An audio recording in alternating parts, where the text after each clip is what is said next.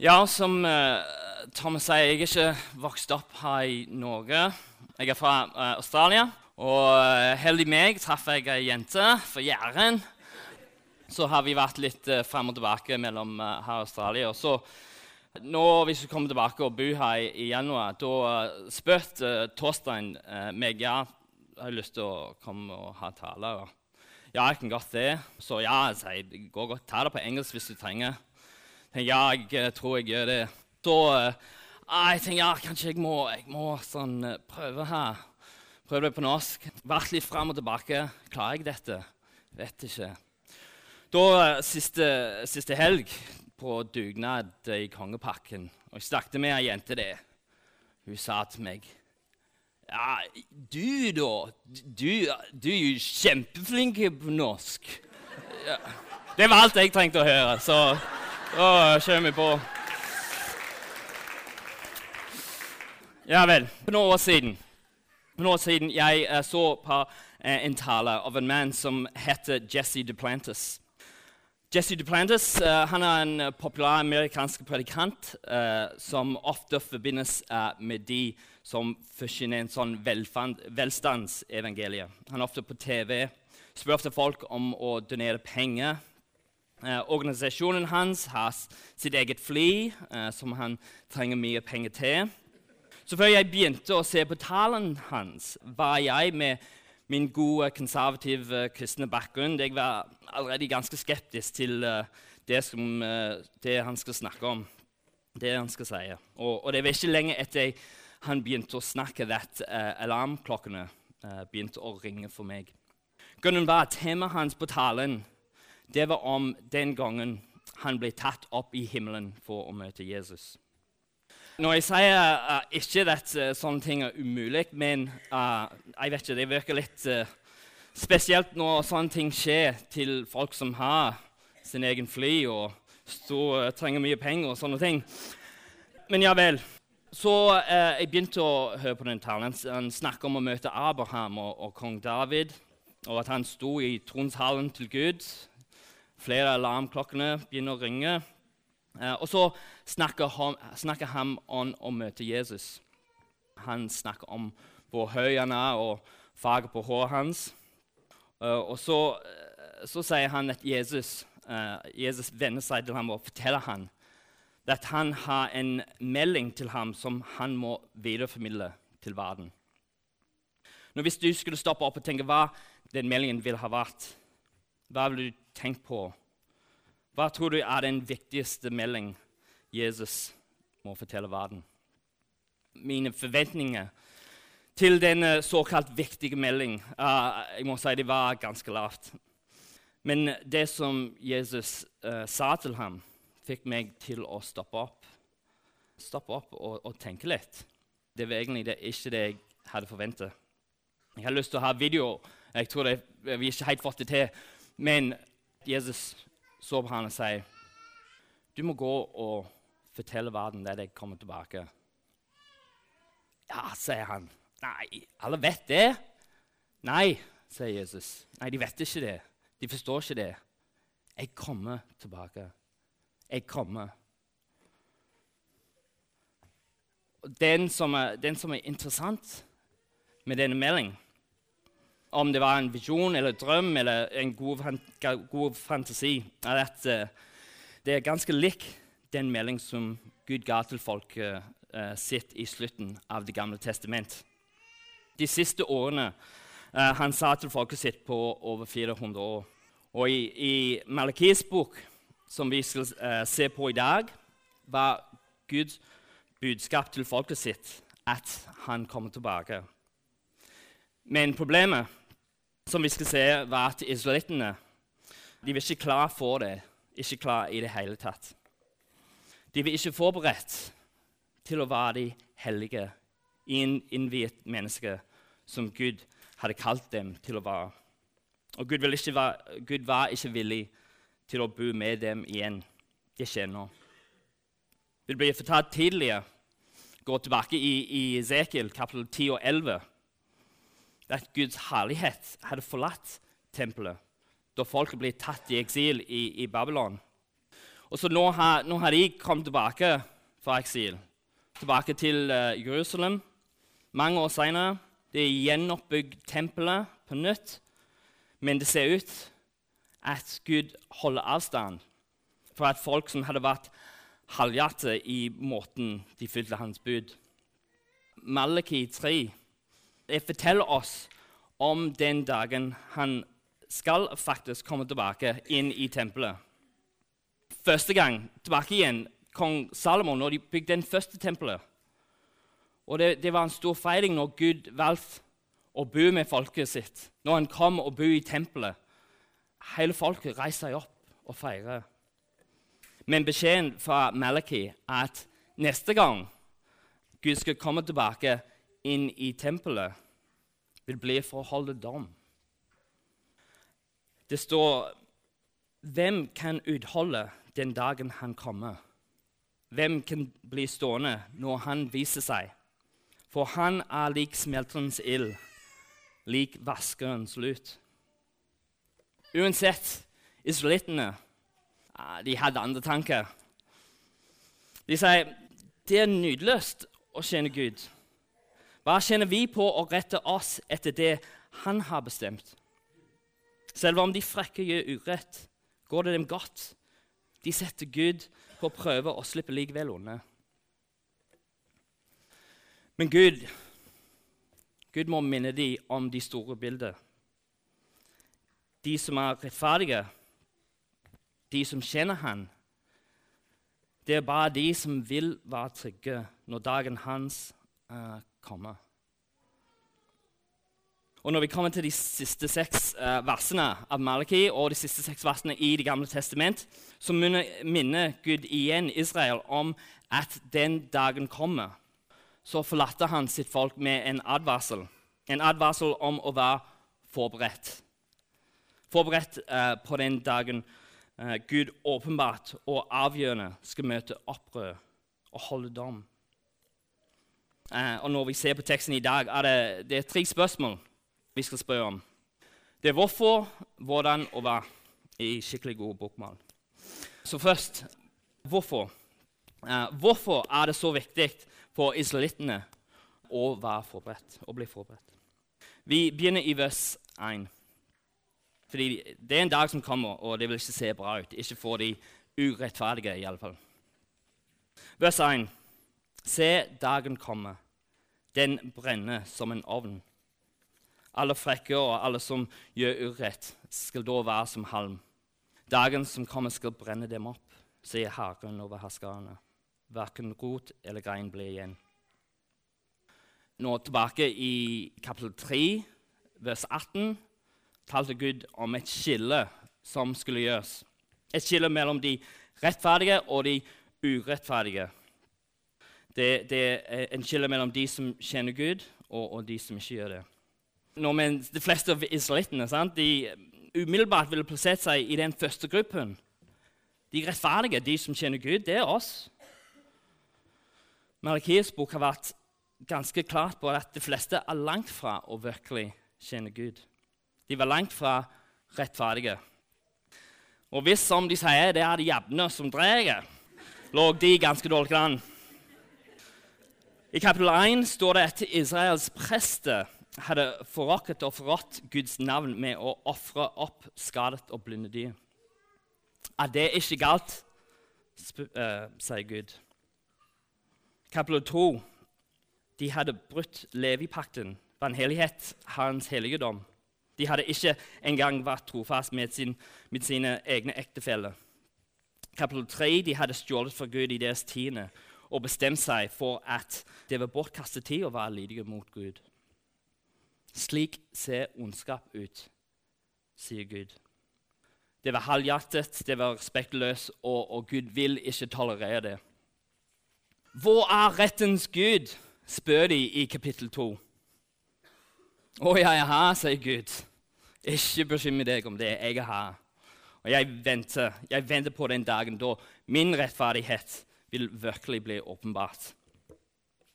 Gud vil holde dom, og ingen som har vært ulydige mot Gud, vil unnslippe. De vil bli brent til aske, helt ødelagt, står det. Guds dom er brutal. For brutal for oss. Vi liker ikke tenke på det. Men jeg tror det er bare fordi vi ikke klarer å forstå alltid Guds herlighet. Og ikke bare hans herlighet, men, men hans nåde også. Gud har vært så tålmodig. Og det er han igjen. Etter han tok de tilbake fra eksil, måtte han advare dem enda en gang. Gi dem en sjanse til til å omvende seg. Og velge rettferdighet. Fordi for de som velger rettferdighet, for de som er forberedt til den dagen, kommer det velsignelse. Vers 2 og 3. Det står men for dere som frykter mitt navn, skal rettferdssol gå opp med legedom under sine vinger. Dere skal slippe ut og hoppe som kalver. Da skal dere tråkke de urettferdige ned. De skal være støv under føttene deres. Den dagen jeg griper inn, sier Herren over herskerne. For de rettferdige, for de som frykter Guds navn, vil den dagen da Gud kommer, være en dag med glede. Det er en dag de kan se fram til. Det blir en dag med helbredelse og restaurering. Men skjer det det bare for de som er forberedt til den dagen.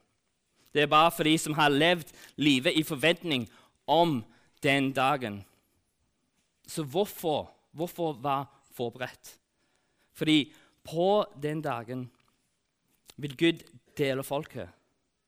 De rettferdige og de urettferdige. Og når den separasjonen er ferdig, er tiden ute. Det er ingen flere sjanser. Dagen kommer, og hvis de er ikke forberedt, hvis de ikke har hørt på advarselen, så venter bare dommen. Så spørsmålet to hvordan, uh, hvordan kan de forberede seg? Vi sier i vers 4.: Husk loven jeg ga Moses, min tjener, på Horeb for hele Israel, med forskrifter og bud. Uh, I mean, it isn't rocket science. Husk loven, følge loven. Det var nesten uh, 1000 år siden Gud ga Israel loven. Og fra dag én var uh, budskapet det samme. Husk loven, følg loven. Husk hva jeg har gjort for dere. Følg med. Det står du skal elske Han, din Gud av hele ditt hjerte, av hele din sjel og ved alle din makt. Av hele ditt hjerte, av hele din sjel og av all din makt. Dyr med feil, det er ikke godt nok. Vekslepenger som offergaven holder ikke. Normalisering av skilsmisse nei, det går ikke. Husk loven og følg loven. Hvis de skulle være forberedt til den dagen, måtte de begynne å leve i trofast lydighet. Helhjertet forpliktelse. Ta for eksempel amerikanske svømmer uh, Michael Phelps. Uh, I løpet av de siste 13 årene har han vunnet 33 gullmedaljer. Mest av alle OL-deltakerne i historien. Når OL nærmer seg, sant, handler alt om Phelps liv. Absolutt alt om å være forberedt til dagen han skal konkurrere. Det han spiser, når han sover, hele treningen hans forbereder ham til den ene øyeblikket når han står på blokkene. Han svømmer rundt 80 km i, i, uken. Han, har, han er på treningsstudio de fleste dager i uka for å styrke kroppen. En gjennomsnittlig mann må spise 3000 kalorier hver dag. Uh, men for å holde opp energi uh, Phelps må spise rundt 12 000 kalorier hver dag uh, for å gi han det han trenger. For å være best må han være helt forpliktet. Han trenger å lytte til treneren og følge rådene sine ned til de nærmeste detaljene hvis han skulle være skikkelig forberedt til dagen han skulle konkurrere. For Guds folk er det ikke annerledes. Fullstendig forpliktelse. De måtte lytte og adlyde hva Gud hadde fortalt dem. Husk loven, følg loven. Slik skulle de forberede seg. Spørsmål tre hva Hva, uh, hva ser de fram til? Uh, versene 5 og 6. Se, jeg sender profeten Elie til dere før Herrens dag kommer, den store og skremmende. Han skulle vende fedrenes hjerte til barnet og barnets hjerte til fedrene, så jeg ikke skal komme og slå landet med vann. De, de, ser fram til dagen Elie kommer. I kapittel 3, vers 1, sa Gud at han vil sende sin budbærer som vil rydde veien for ham. Nå sier Gud at den vil være profeten Elias som vil innlede Herrens store og skremmende dag. Det er en dag på en måte å frykte. Det fortelles om en dag som er annerledes enn alle andre. Når Gud kommer for å holde dom og gjenopprette sin regjering. Det blir en, en, en dag da Gud seirer over alle ondskap og alle urettferdighet. Dette er Herrens dag, og det bør ikke tas lett. I vers 4 har jeg kapittel, i kapittel 4 ba Gud israelittene om å se tilbake på den dagen da alt begynte, da han dannet et pakt med dem. Og husk det. Og her i vers 5 skaper Gud en bro framover til det som er foran, til det som kommer. Og så vers 6 I mean, det, det, er litt spesielt. Folk er ikke helt sikre hva de skal gjøre med, med vers 6. Uh, det er ikke alltid de følte det var en, en grei måte å, å, avslutte hele Gamle testament med denne avvarselen. Så ofte når de leste dette ut i de synagogene, uh, de, de, ofte gikk tilbake til vers 5 og leste den ut en gang til, fordi de, de likte ikke den avslutningen. Det virker igjen som det, en, det var et bilde av hva Gud, Guds dom skal bringe, hva hans dag skal bringe. For de som frykter ham, det skal bli restaurering. Forholdet skal bli helbredet. Den enheten i familien som Gud bryr seg så mye om, det skal bli gjort helt. Men for de på feil side, de som nekter å forberede seg til den dagen, har en store og skremmende dag. Vel, det er bare fortapelse som venter. Det er en sterk advarsel. Så oppsummering hvorfor måtte israelittene være forberedt? Fordi dagen kommer da Gud skulle holde dom. Det vil være en avgjørende dom. De urettferdige de skal gå fortapt, men de rettferdige skal bli sterkt forsignet. Hvordan kunne de forberede seg?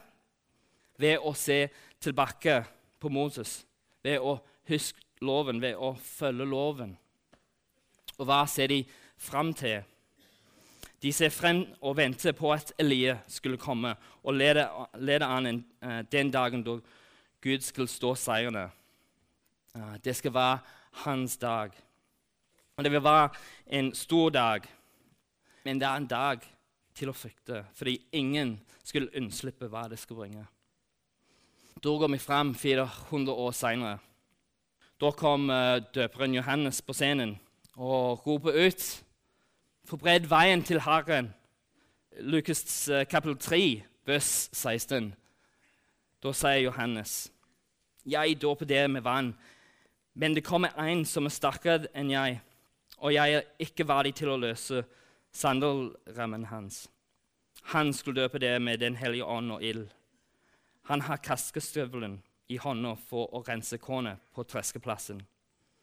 Hveten skal han samle i låven sin, men agnene skal han brenne opp med en ild som aldri slukner. Da går vi fram i Lukas 19, kapittel 19. Det går Jesus i det siste uke av livet hans. Han går inn i tempelet. Gud kommer tilbake igjen inn i tempelet. Han begynner å jage ut de som drev handel der. Mitt hus, sier Jesus, mitt hus skal være et bønnehus, men dere har gjort det til en røverhylle. Hver dag, det står i Lukas, hver dag den uken uh, var han i tempelet og snakket om den kommende dommen til de ulydige. De skulle bli fordømt. Tempelet det skal ødelegges sammen med byen. Herrens dag hadde kommet. Men det var ikke en dag som vi forstår det på en måte. Det var ikke en spesifikk dato eller dag. Selv om Jesus oppnådde seieren over ondskap, synd og død på korset, ah, så var det var ikke siste ordet. sant? Det var ikke den siste dagen, men det var en dag som innledet et ny tid. En ny tid som, som vi nå lever i. Og for å gjøre ting litt mer forvirrende bestemte de seg for å kalle denne tiden de siste dagene. Og i disse siste dagene vi venter fortsatt på én siste dag.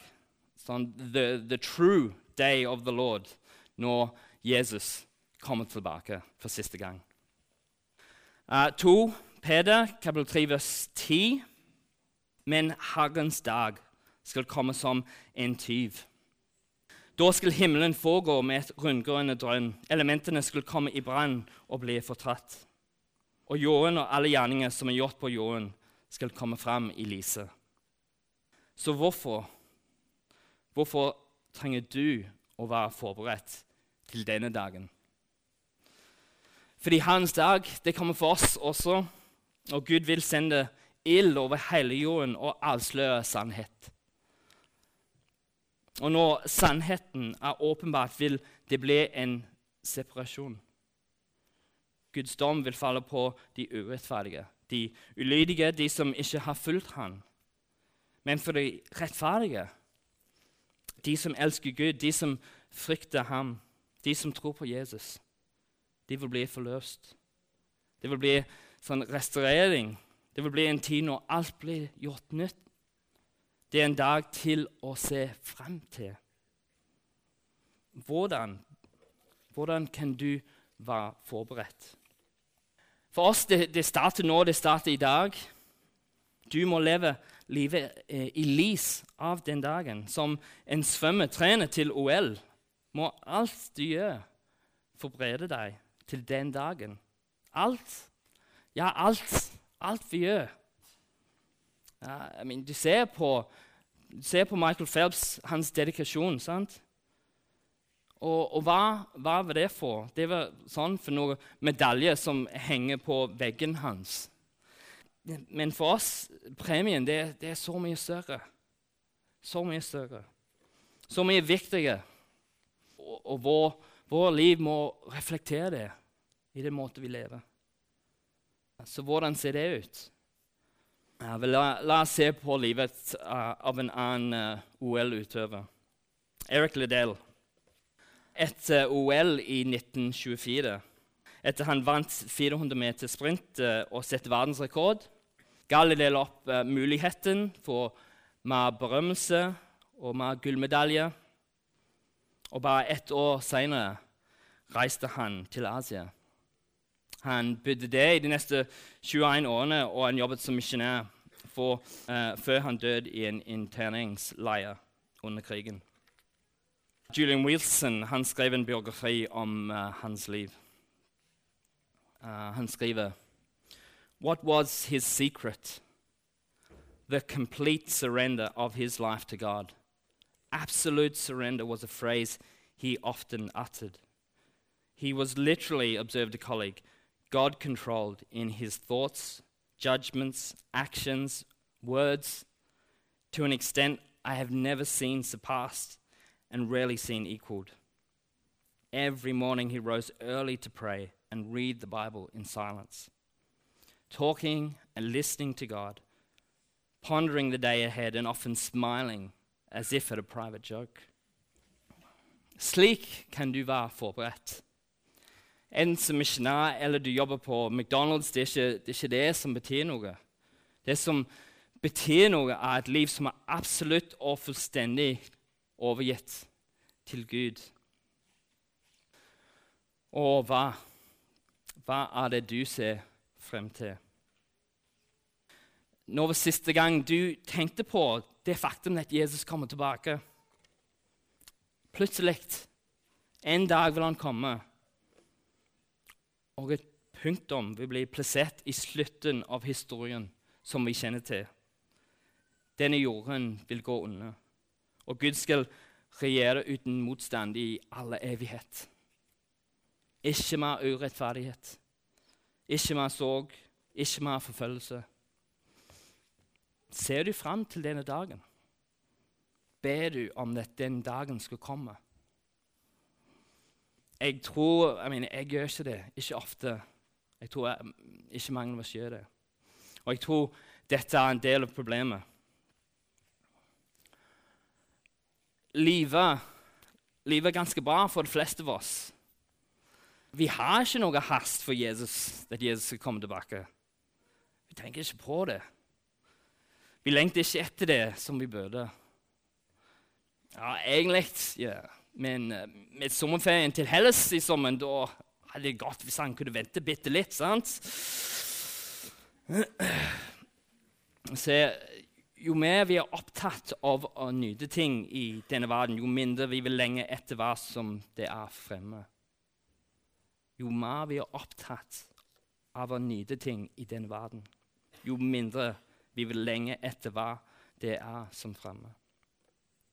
Og mens den dagen kommer til å bli en dag med velsignelse for de som stoler på Jesus, for de som ikke kjenner han, Jesus gir en tidlig advarsel. Det samme advarsel Gud ga til israelittene.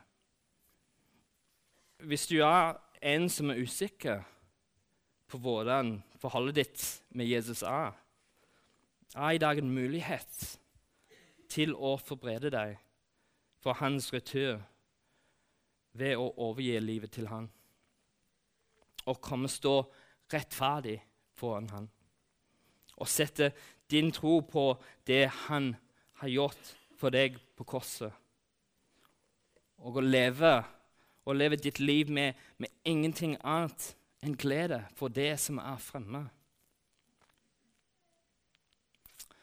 Og hvis du, hvis du, kjenner Jesus og venter hvis du venter på den dagen når han kommer tilbake med glede I dag er en, en påminnelse, påminnelse om at vi har fått en jobb med en frist.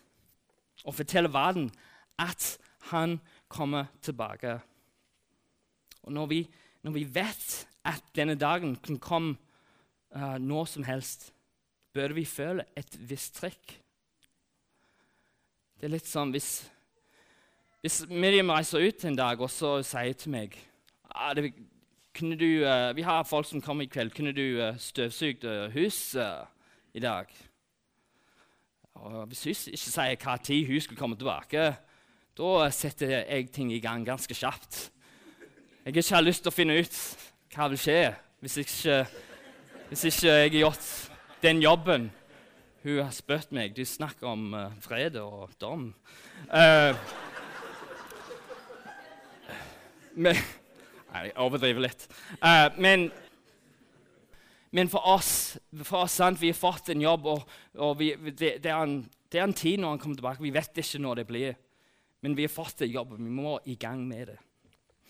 Og akkurat som Maliki, akkurat uh, som døperen Johannes, er vi nå Guds budbærende. Det er nå vår jobb å forberede veien til Herren og kunngjøre til verden at han kommer tilbake, fordi han kommer tilbake. Så til slutt vil jeg at du tar et øyeblikk til å tenke på kanskje en ting du ville gjort annerledes hvis du visste f.eks. Jesus kommer tilbake neste helg Hvis du visste at dette var den siste uken du hadde Hvem er, hvem er en du ville ha delt evangeliet med?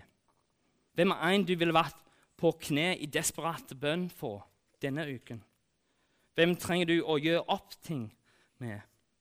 Hvem vil du ha oppmuntre til å være sterk i troen? Tenk på det.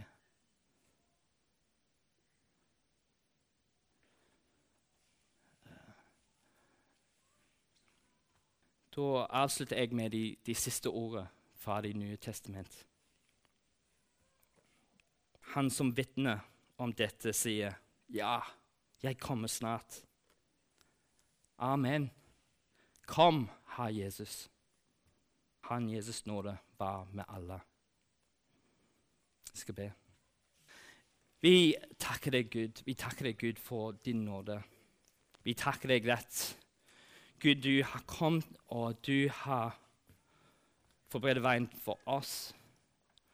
Uh, det du, Gud, har, har gjort på korset, så vi, så vi nå kan se fremme med glede. Dette er ingenting vi må bekymre oss om. Gud, hjelper oss til nå å være dine budbærende og fortelle verden.